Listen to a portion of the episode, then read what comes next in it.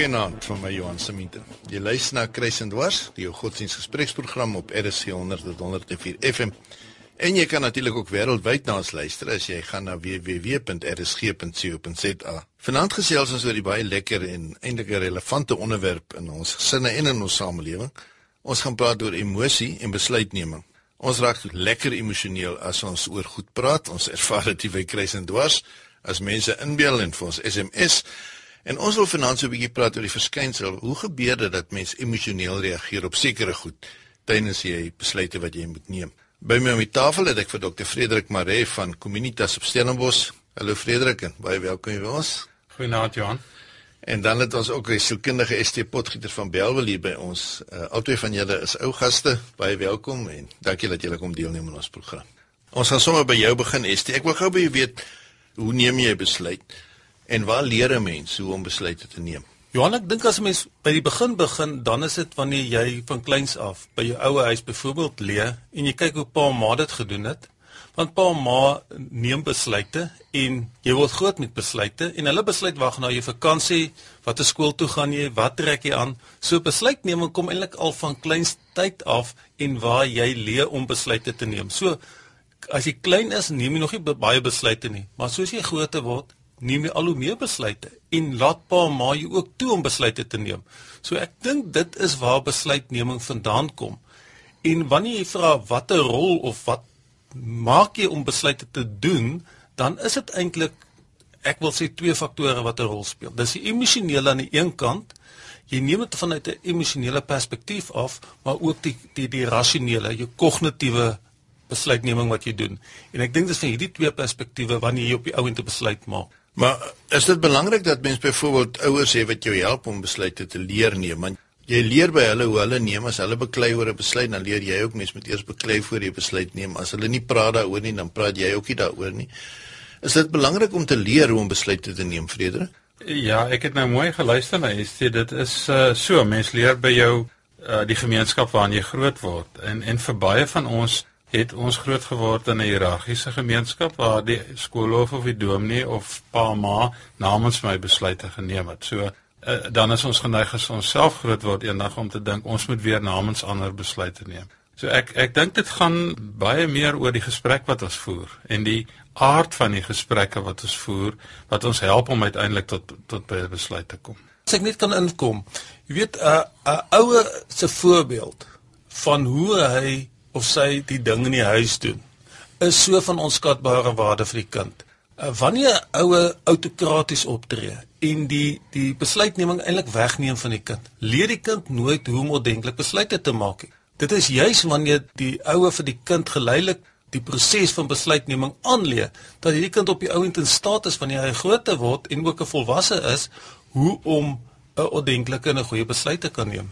En jy het nou, nou gesê daar's twee komponente aan, 'n kognitiewe element en emosionele uh, element. En dan sou mens seker die waardesisteem kon inbring, nê, want dit is ook 'n soort van 'n etiese element wat dan kom sê is dit nou reg of verkeerd as ek hierdie besluit neem of hoekom neem. Maar hoekom is dit dat die emosionele so maklik na vore kom as as 'n gesin praat? Is daar sekere onderwerpe wat amper half taboe is want as jy aan 'n onderwerp begin vat is iemand kort gebake daaroor en gaan hy onmiddellike reaksie toon wat negatief of aggressief is. As jy vir 'n kind sê jy jou huiswerk gedoen en onmiddellik is hy kwaad of as jy vir pa sê ek gaan 'n tatoeëermerk kry of jy vir ma vra wat kry ons vir pudding dan is daar onmiddellike reaksie, emosionele reaksie. Hoekom gebeur dit? Johan, dit is soos ons geskaap is. Ons is emosionele wesens geskape. Maar ek wil hom ook bysê dat ons kry verskillende tipe persoonlikhede. Party mense is net meer rasioneel kognitief in die lewe en party mense is net meer emosioneel. So ek dink dit hang baie van jou persoonlikheid af ook hoe jy reageer op 'n ding. Maar jou emosies is so deel van jou menswees. En dit is so deel van jou geskiedenis, dit is so deel van wat met jou gebeur het. Dit is so deel van jou verlede en baie keer is dit sekere dinge wat met jou gebeur het. En as daar dan 'n sneller is of soos die Engels sê 'n trigger is wat 'n reaksie by jou veroorsaak, is dit 'n emosionele reaksie en jy kan dit feitelik nie keer nie. Dit gebeur met jou dat jy reageer op 'n tatoeëermerk of op iets wat gesê word uh sonder dat jy dit kan keer, maar dit is omdat ons inherënt ons almal emosionele wesens is. As ek daarby kan inkom Johan, dink ek die emosie kom uit die geskiedenis van die verhoudings wat om die tafel is as daar gepraat word. As daar gesonde verhoudings is, dan gaan die gesprek en ook die emosie wat daarmee gepaard gaan waarskynlik meer konstruktief wees. Terwyl as daar ander blokkades in die verhoudings is, magsblokkades is, dan gaan jy hierdie soort reaksie kry wat uh, sou ek sê destruktiewe emosionele reaksies is wat die rasionele heeltemal uitsny. Dit gebeur nie net op individuele vlak nie, nee, dit gebeur ook byvoorbeeld met groepe of Frederik, jy werk baie met vergaderings. Uh jy kry dit maklik in 'n vergadering dat 'n sekere onderwerp net mense se hare laat rys voor hulle nog daaroor begin praat het.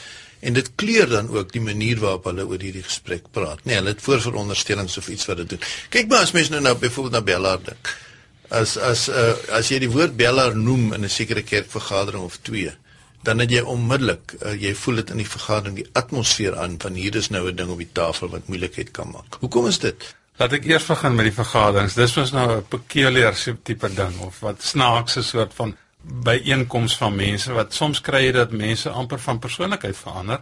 Nou is hulle in 'n vergadering, dis formeel en veronderstel dat daar geen emosies betrokke is nie terwyl eh, soos ST sê ons is geskape met emosies. So ek dink die eerste ding wat ons net na moet kyk is wat is die weer eens die gehalte van die verhoudings en is mense welkom om ook die emosionele konnotasie wat hulle alle aan iets heg om dit in te bring en op die tafel neer te sit. Onmiddellik as dit gebeur ontlaai dit die angsvlakke en raak die emosies sagter en kan mense bietjie makliker luister na mekaar. So ek dink ons sal baie moet werk om die die styl van ons vergaderings, die manier waarop ons luister en gesprek voer met mekaar in vergaderings beter te maak as net Robert se ruleboek soos wat ons groot geword het.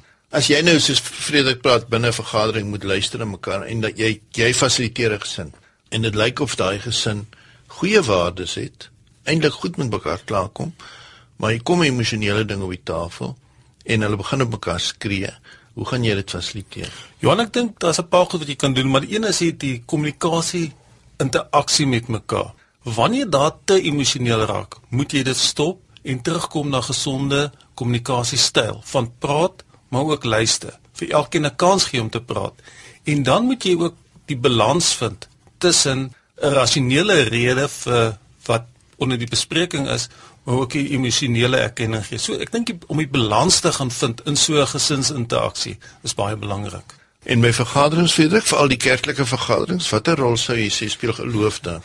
Kyk uh, Johan, ek spot altyd en sê as ons nou met kerkrade werk, kom ons begin nou maar net met kerkrade. Uh wat is die gehalte van luister daar? My indruk is dat mense gaan soontoe met spesifieke standpunte en hulle sit te wag eintlik net om hulle standpunt te kan stel as 'n ander persoon aan die praat is. So jy moet dit eers regmaak. Jy moet eers vir mense by die punt kry dat hulle sê ek het 'n standpunt en die ander persoon het 'n standpunt, maar ek gaan nou eers doodseker maak. Ek het jou reg gehoor. So ons gebruik sommer die eenvoudige ego eh, tegniek om te sê Johan, het ek reg gehoor dat jy oor hierdie saak so en so en so voel. En eers as jy vir my die konsent gee en sê ja, jy het my reg gehoor, dan begin ek om my standpunt te stel. Jy maak dit stadiger, jy maak dit rustiger, jy sorg dat mense begin om nie net te debatteer nie, maar dialoog met mekaar te voer deur na mekaar te luister. En is dit 'n geloofsvertuiging? Is dit het dit iets te doen met mense geloof hoe jy na ander een luister of wie om ag of wat jy daarmee maak? Absoluut, meen Johan, ons glo tog die waarheid behoort mos nou nie aan my jou nie. Christus is die waarheid. So ons ontvang die waarheid van die Gees af. So jy kan nie die waarheid kry sonder om te luister nie. Jy het dit nie in jouself nie. Dit is word aan die geloofsgemeenskap gegee as 'n geskenk. So dis 'n geloofshouding sal ek amper sê om te sê ons gaan oor 'n saak praat, maar die manier waarop ons gaan besluit neem is 'n luisterende of 'n onderskeidende manier van besluitneming deurdat ons diep na mekaar maar ook na God gaan luister. Is dit gebeur dit in families ook so? Dink jy dat mense hulle moet help om te leer luister? Absoluut. Uh, ek dink ook in huweliksberading is dit baie belangrik. En, en ek dink byvoorbeeld om te sê en ek en dit is wat ek doen in die praktyk is jy moet vir iemand kan sê nadat hy sy storie vertel het ek hoor jy sê die volgende en dan moet jy ou dit geïnterpreteer wat het ek gesê en dit is 'n baie moeilike oefening vir mense om te sê ek hoor jy het gesê die volgende en dan kan die ander persoon vir jou kom sê want jy het reg gehoor of jy het verkeerd gehoor of ek het eintlik dit bedoel. So dis 'n baie interessante en 'n baie lekker oefening wat ek met gesinne doen en ook in in die huweliksberading doen.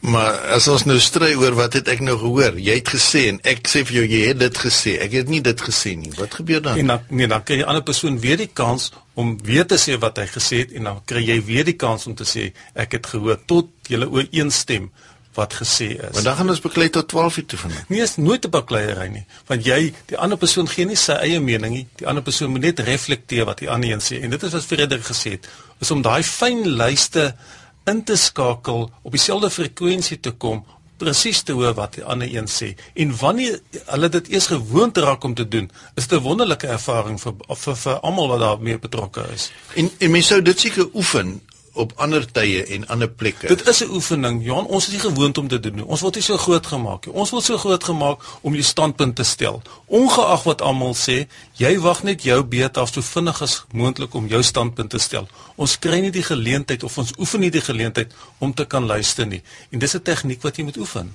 Ek dink daar's by dit en ek ek stem 100% saam. Ek dink daar's by dit 'n ander vaardigheid wat ons moet inoefen veral as dit gaan oor sake soos geloofsake waaroor ons vaste oortuigings het.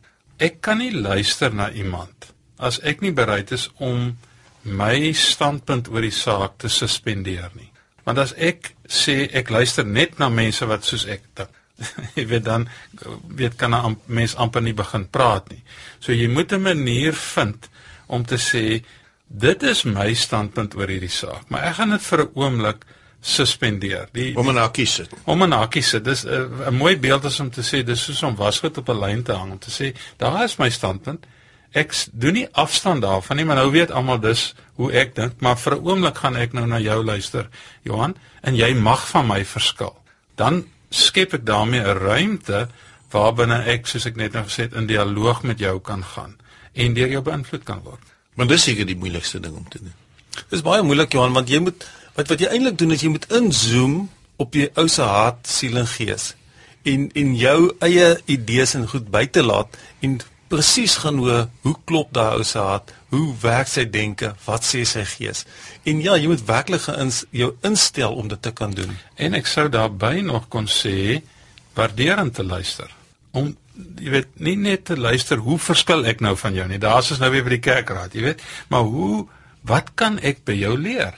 Want mense kan by alle mense kan jy iets leer. Mense kom uit verskillende kontekste. So dit is fyn te luister, nie net klinies weer te gee wat ek hoor nie, maar ook te sê, weet jy, dit dit is nou iets wat ek nie aan gedink het nie. Ek leer iets by jou. Onmiddellik skep dit weer die ruimte dat die ander persoon oop raak om na jou jou te luister en by jou iets te leer. Ja, maar nou kom ek ek vat 'n ou voorbeeld. Nee, ek staan op 'n kerkradsvergadering op. As ek opstaan nou sê daar is o, dis 'n sap.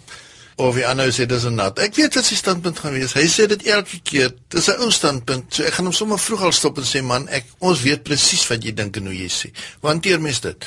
Wel, ek dink die die goed wat ons tot dusver oor gepraat het is baie belangrik en ek wil weer teruggaan na die suspendering toe om te sê natuurlik ek ken vir jou ons kom 'n lang pad saam ek weet wat jou standpunte is. Maar as ek glo dat die gees vanaand hier teenwoordig is terwyl ons bymekaar is mag ek deur wat jy gaan sê iets leer vanaand by 'n sap wat ek dalk nie gedink het ek gaan leer nie. Of kom ons maak dit meer resent nê mag ek by 'n vrou iets leer? Of mag ek by 'n by 'n kind iets leer? Of ek mag ek by 'n persoon van 'n ander kultuur iets leer wat ek nie gedink het ek gaan leer nie omdat ek hulle voorheen in blokkies geplaas het. So dit gaan absoluut saam met daai vermoë om in jou eie bewussyn bewus te raak van jou vooroordeele en dit op sy te skuif en met gretigheid te luister na mekaar. Maar dit sou ook beteken is dit nie dat 'n mens erken ek het nie die volle waarheid in pag nie en dat God se waarheid is groter as my waarheid.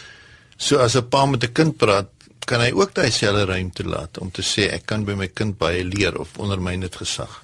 Absoluut Johan, en ek is so groot voorstander daarvan dat dat ouers werklik gaan luister na wat hulle kind sê. Ek dink 'n uh, klompie jare terug, 30, 40 jaar terug, het dit ouers en veral die paas dink ek so domie gedomineer dat kinders nie regtig gesê gehad het nie. Kinders se se siening was dikwels nie gehoor nie, hulle is net afgesny.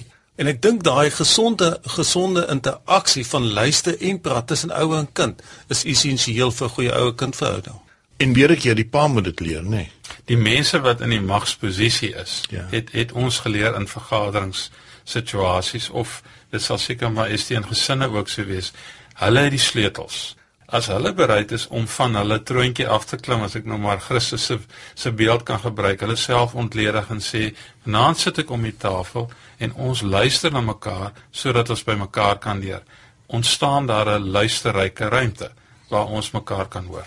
Die die ander vraag wat ek net wou vra, as jy um, as jy so bymekaar kom, dan kom 'n punt dan sê ons pa nou sê ons het nou genoeg gepraat. Ek sal die gevolge dra van wat ons nou ook verder besluit. Hoe hanteer mens so 'n ding waarin jy op die einde sê ek neem die gevolge, sloes met julle almal. As dit sleg gaan, is dit ook myne. As ek my kind verloor in die proses, die kind gaan nou uit die huis uitloop of die kerk gaan skeer en hy neem daai besluit. Sou mens sê dit is Bybelsreg? Ja, ek ek sal ehm um, Johan ek onthou van baie gesprekke uh, uh ek herinner my aan een gesprek na 'n sinode of tydens 'n sinode waar ons oor baie moeilike saak gepraat het en een persoon uitgestorm het en uh, ek in 'n gesprek na die tyd hy vir my jy weet met met groot stelligheid gesê het ek sal ter wille van die eer van God die kerk skeer. Daar's ons nou by grense wat ons baie mooi oor moet dink om absolute standpunte in te neem asof die waarheid soos ek dit verstaan God se waarheid is. Dan stel jy jouself bokant jy weet die die geloofsgemeenskap. En ek dink daar moet ons baie baie versigtig wees en eerder sê kom ons dink nog 'n keer en ons slag en slaap hieroor en wonder maar nog 'n keer daaroor as om sulke absolute standpunte in te neem. Ja, nee, ja, jy weet by die feit bly staan in vandag se lewe of in in die verlede ook. Ergens moet jy by by 'n besluit uitkom. Jy kan nie aanhou praat en luister en aanhou praat en ek dink dit is die realiteit. As ek my vrou moet oor sê wat sy hulle sê, vat dit my 'n hele uur, dan gaan ek ja, maar dit, sê. Dit dit is ongelukkig die realiteit van die lewe is ergens moet jy by 'n besluit kom. En en baie keer gaan daar mense ongelukkig wees oor die besluit en en ek dink maar dis wat die demokrasie van besluitneming en 'n vergadering moet geld. Maar ek herinner my nou, en ek is nou nie so gelees soos Frederik en jy Johan nie, dat dat uh, Paulus en was dit Petrus ook 'n uh, meningsverskil gehad het en ook nie kon tot 'n vergelyk kom nie en ek dink hulle toe maar besluit om te verskil en elkeen op sy eie weg gegaan.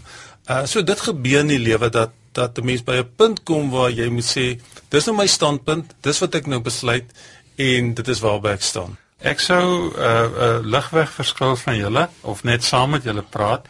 Uh, ek dink die punte waar ons kom waar ons angstig voel omdat ons voel ons weet nie en iemand moet nou 'n kol maak, kan ons anders oordink.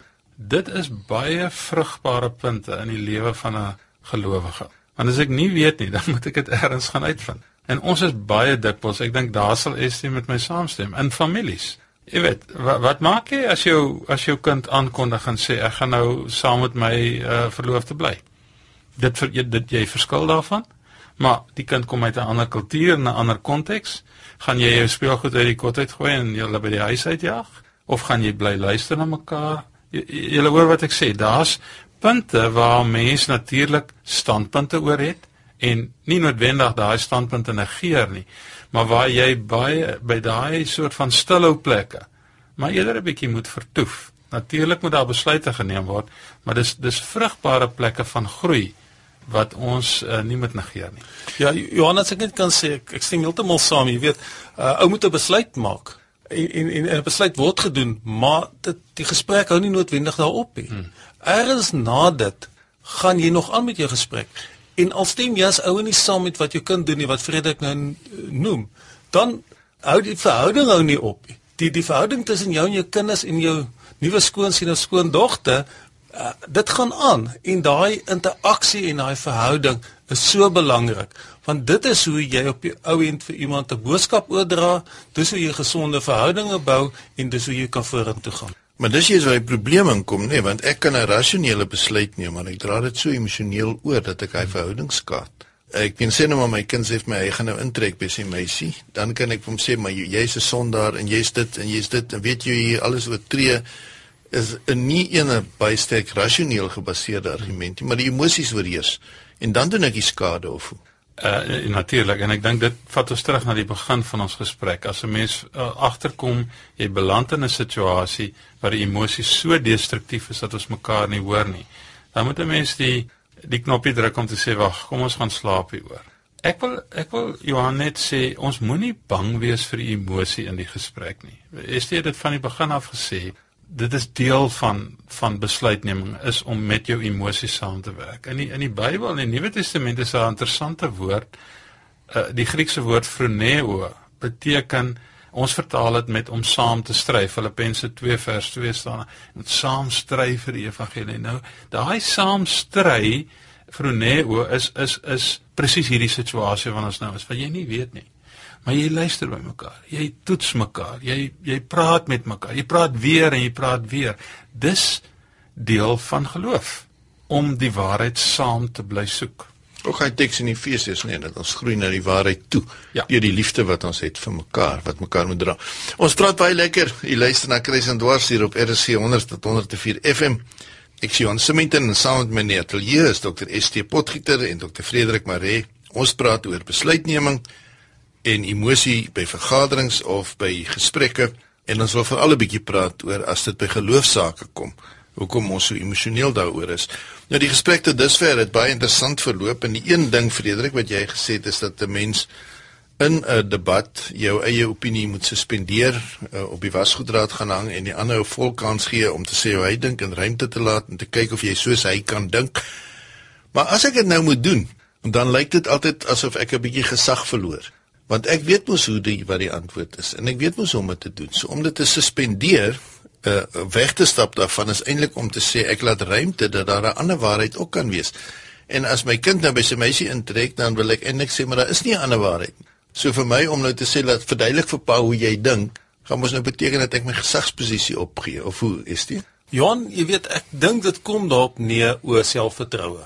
Dat ek selfvertroue het in die mensweek is ek hoef nie altyd my gesag te laat geld om my menswees te laat geld nie. Maar wanneer 'n persoon vol selfvertroue is, jy het eh, die wêreld se rustigheid oor wie jy is, dan laat jy makliker toe ruimte vir ander mense en vir ander mense se siening.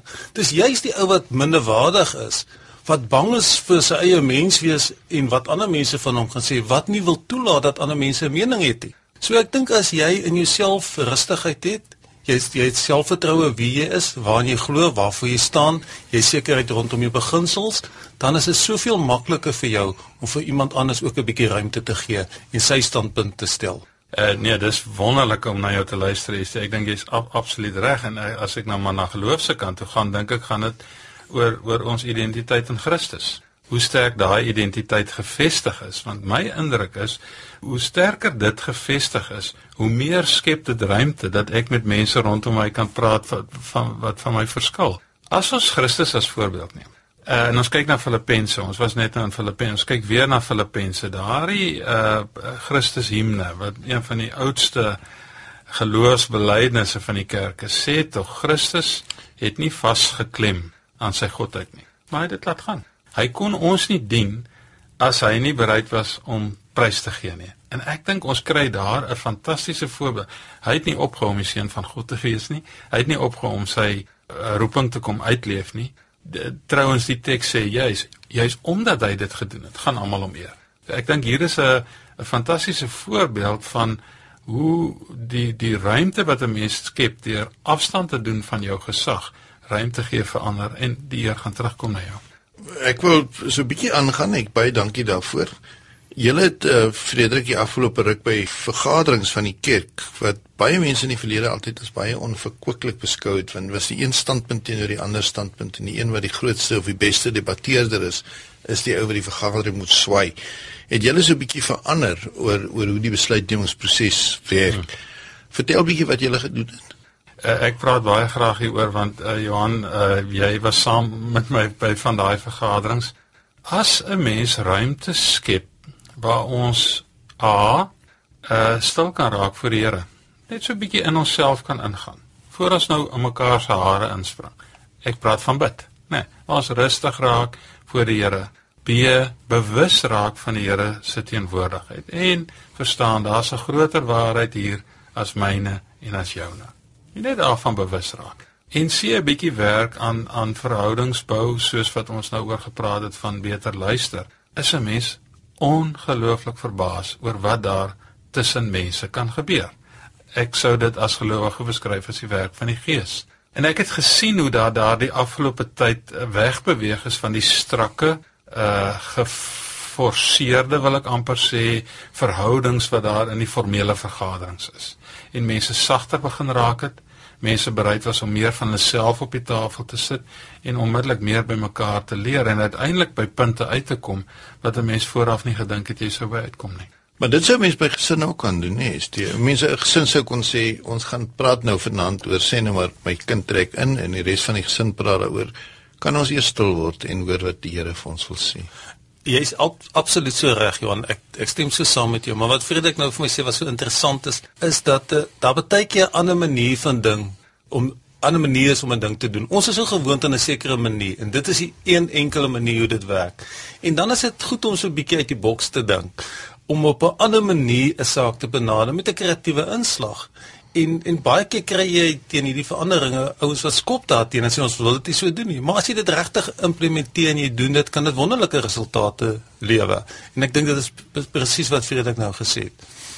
My my gevoel is Johan dat ons die afgelope tyd ons geloofsuitgangspunte baie meer aktief beoefen in vergaderings. Want wat sê ons? Ons sê ons is bymekaar is Die Here lei ons deur sy woord en sy gees, né? Nee. So ons sê uh die die Bybel behoort oop te wees. Ons behoort met mekaar oor ons bron van waarheid wat die woord is te kan praat en ons behoort 'n openheid te hê dat die Gees ons as geloofsgemeenskap kan lei. En uh ja, ek ek ek sien meer daarvan gebeur. En ek ek sit nou en dink jy weet daar's dalk vanaand mense wat in 'n kerkraad sit en hulle is vasgepraat. Hulle is al lank al vasgepraat oor 'n ding. En ek wil hulle maar net aanmoedig. Bid meer. Ook in die vergadering.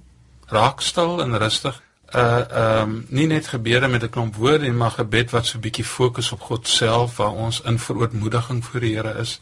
Lees die Bybel, bring tekste oor die saak en begin die tekste te bespreek en kyk hoe daai tekste vir ons in in inligting gee oor die saak wat ons moet besluit want ons glo mos nou elke kerkraadslid of elkeen wat moet besluit kind of vrou of of groot mens die gees woon in hulle die gees is aktief teenwoordig en sal vir ons die gedagtes en die standpunte gee wat nou nodig is want dit dink ek is juist die een vrees wat mense het in 'n sekere sin uh, iemand het eendag vir my gesê maak nooit sy oë toe as hulle bid by 'n kerkvergadering nie want hy sê jy vra die wil van die Here maar die ander ou het lankal besluit wat hy wil hê en hoe dit moet gebeur en die Moses is geskryf en alles Uh, nou, Johan, dis die punt van suspendering, né? Om te sê as ons verootmoedig voor die Here, dan sê ons as ons die ingekom het standpunte. Maar die Here mag dit verander, want die kerk behoort aan hom. Ons familie behoort aan hom. Hierdie verhouding behoort aan hom. So ek kom in met standpunte, maar my standpunt is nooit die hoogste waarde nie. Die Gees kan dit verander. As dit nou gebeur, nê, nee, sê nou ek is die pa en ek verloor nou, uh, verloor is verkeerde woord, uh, die argument uh, ons besluit nou my kind kan maar by sy meisie bly, dis vir hom die beste en dis wat hy dink reg is. Verloor ek nie dan fees nie. Gebeur dan iets wat wat my waardigheid dan aantas nie. Jonas, jy en jouself 'n uh, uh, onsekere tipe mens is, mag jy so voel. Maar as jy 'n mens is wat selfvertroue het, jy's 'n mens versekerheid in jouself het, jy is iemand wat ruimte vir iemand anders gee, dan moet dit nie vir jou 'n probleem te wees om die ander een se standpunt in te sien nie. Dit behoort nie vir jou 'n probleem te wees as dan nie met jou saamgestem word nie. Dit behoort nie vir jou 'n probleem te wees as iemand anders 'n ander besluit maak wat waarmee jy nie saamstem nie. Ek stem saam in hierdie spesifieke geval kan daai emosionele faktor wees want dit is my kind wat dit mee gebeur. Maar ek dink nie in die algemeen behoort dit jou as mens te intimideer as jou standpunt aanvaar te word nie, want dit is deel van die lewe. Ja, maar nou Frederik, jy's dit. Nou kom ouens by die sinode en hulle besluit nou maar sê nou maar oor Bellaar en hulle besluit uh, dit word nou 'n belydenisskrif van die kerk want dit gaan nou getoets word in die proses. Ja.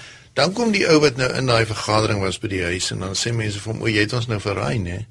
Hmm. Ons het vir jou gesê ons wil nie dit so hê nie en wat het nou met jou daar gebeur?" Hmm. En dan voel daai ou Erns is hy gemanipuleer in 'n besluit en wat hy nou nie by die huis kan verdedig nie. Hoe moet hy daarmee werk?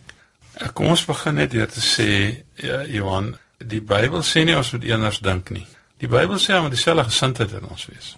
Uh, en daai gesindheid is die gesindheid van Christus wat sê ek is bereid om afstand te doen ter wille van die ander.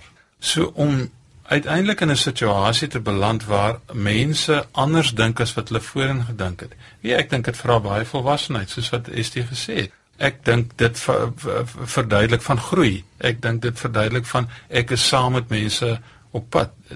Daarteenoor mense wat net eenvoudig staan en nie kan gesprek voer en nie kan groei rondom uh, sake nie uh, dink ek is, is is van die oordeel dat ons dieselfde moet dink oor sake. So ek dink om by 'n sinode te kom en dan oortuig te word van 'n ander standpunt. Watter kant toe dit ook al wees en ek het die afgelope tyd baie sulke goed beleef, is eintlik 'n teken van groei. En dan wil ek net sê, daar's 'n ou waarheid in die kerk wat sê die waarheid behoort aan die gemeenskap van die gelowiges en nie aan die individu nie. En daarom verstaan mense dit baie keer verkeerd as jy na 'n kerklike vergadering toe gaan, dan kan jou kerkraad vir jou gestuur het en sê jy moet sis of so oor 'n saak besluit. Maar ons het nog altyd gesê as die gemeenskap van die gelowiges bymekaar is en daar's 'n gesprek, dan mag die Gees ons anders oortuig as hoe ons hier ingekom het. Dis hoe gereformeerdes onder andere daaroor dink. So die eenvoudige antwoord is om te sê die Here het my deur sy Gees en sy woord tot ander insigte gebring. Baie dankie vir dit. Ek ek hoop dit help ook vir ons lidmate om te verstaan dat as jy na sinode toe gaan of 'n ding, jy hoop is dat die Gees jou kan verander en dat jy nie met 'n besluit daar kan aankom wat vasgegote is en wat nie kan verander nie.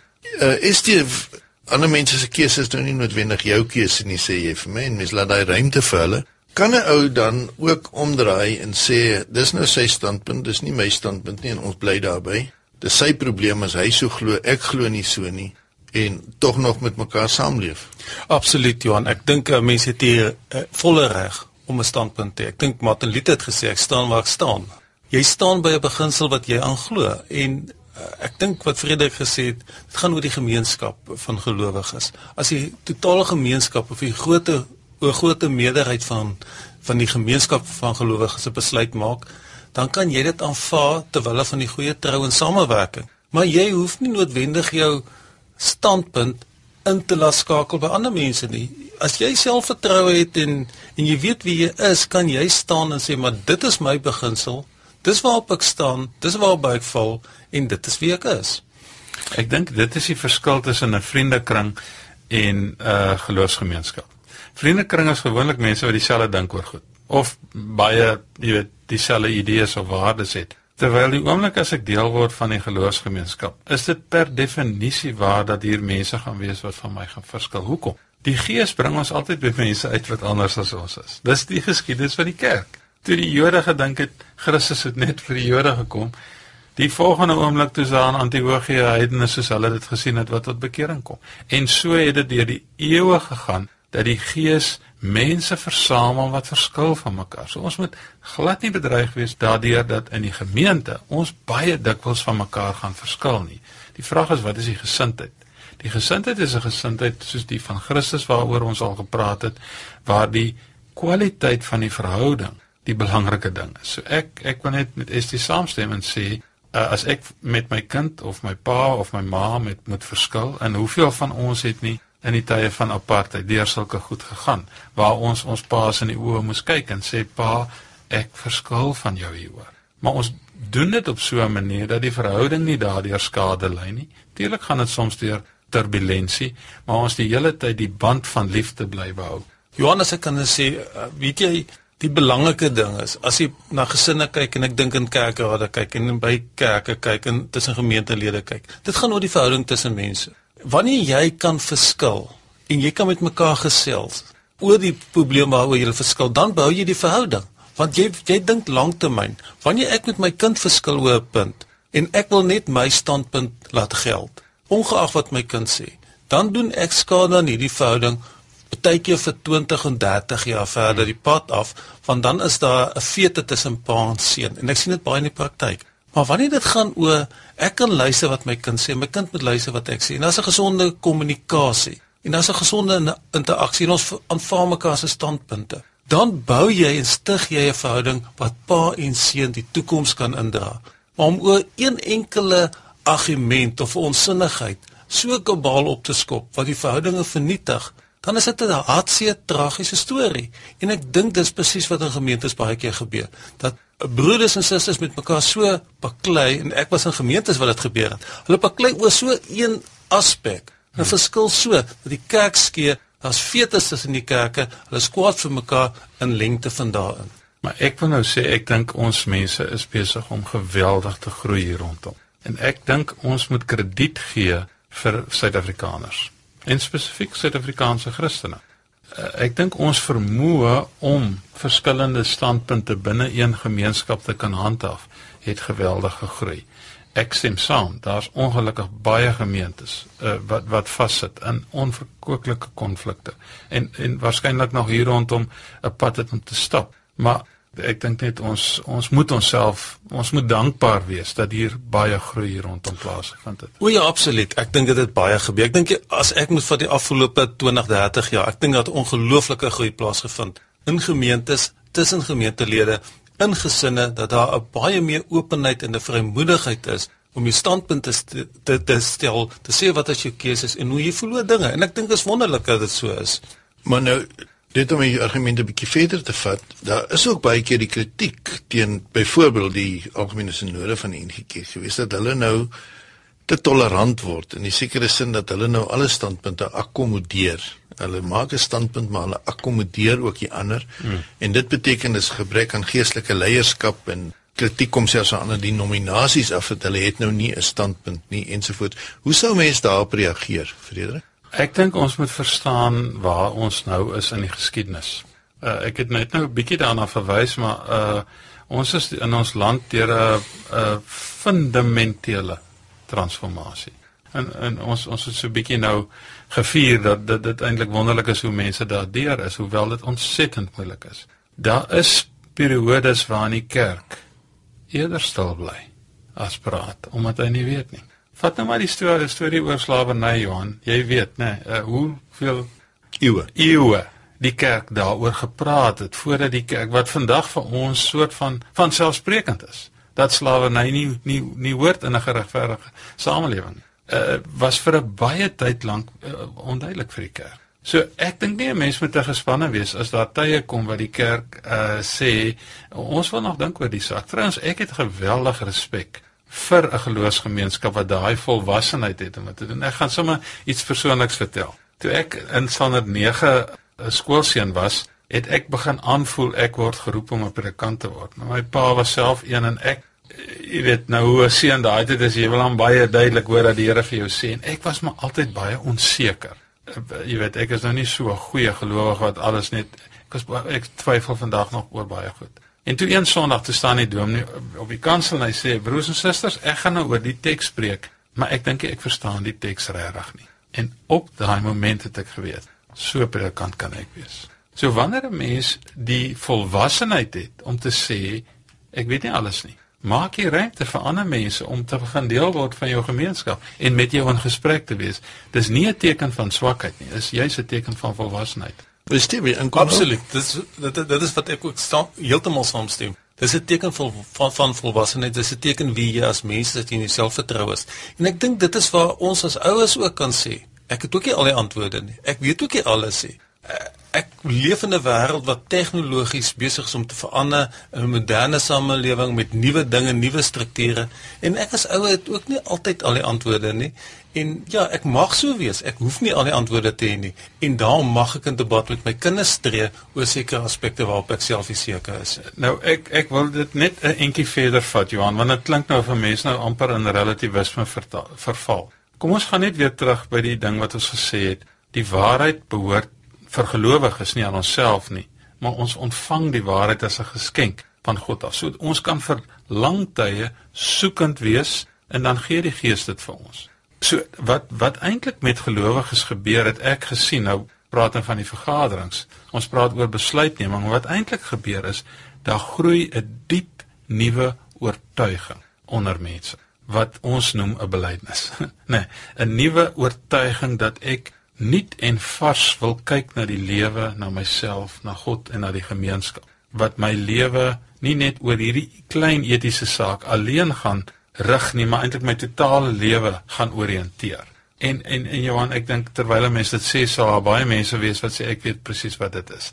Dat die Gees sulke momente gee waar jy in 'n tyd van worsteling onseker was, nie geweet het watter kant toe en dan skielik asof die modderwater net helder word. En soms is dit asof die saak waaroor jy gewonder het nou skielik net nie meer so belangrik is nie, want daar's 'n nuwe oriëntasie waarop jy kyk na die saak. En natuurlik jou gesindheid verander, nee, want dit word 'n liefdevolle gesindheid. En daarom kom deernis in en partymal moet 'n kerk of stil bly oor sekere goed, maar met deernis werk en sê ek laat ruimte vir die ander ou en as hy selfs die glorie van daai standpunt moet vat, dan kan hy dit ook doen, want ek dien net, ek regeer nie meer nie. Kyk Johan, ek ek ek ek dink jy slaan die spyker op die kop. Ons het te veel oor goed gepraat asof dit nie met mense te maak het. Ons het te veel oor mense gepraat sonder om met hulle te praat. In deernis na hulle te luister, al verskil ons hoeveel van hulle.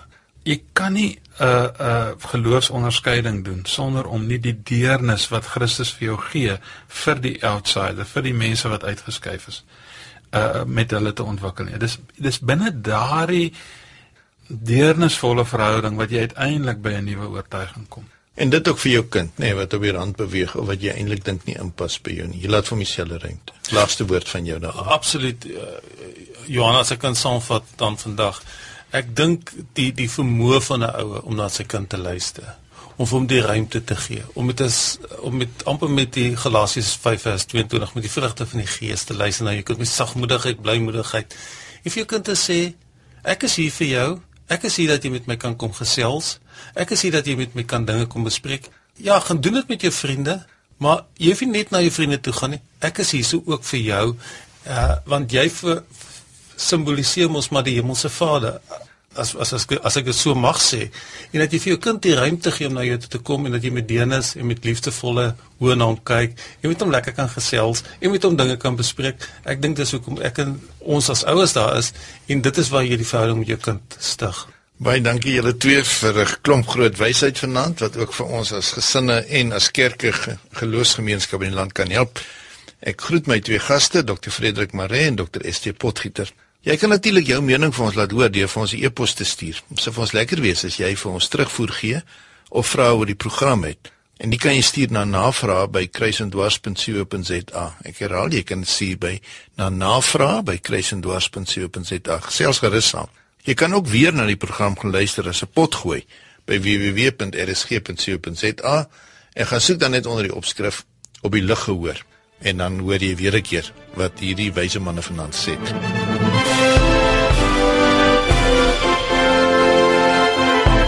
Ek groet namens die produksieregisseur Neil Roo en ons programregisseur Liselde Brein. Baie dankie dat jy saamgekyk het. Tot volgende week. My Johan Samenten. Totsiens. Kruisendwars is versorg deur Wordwise Media.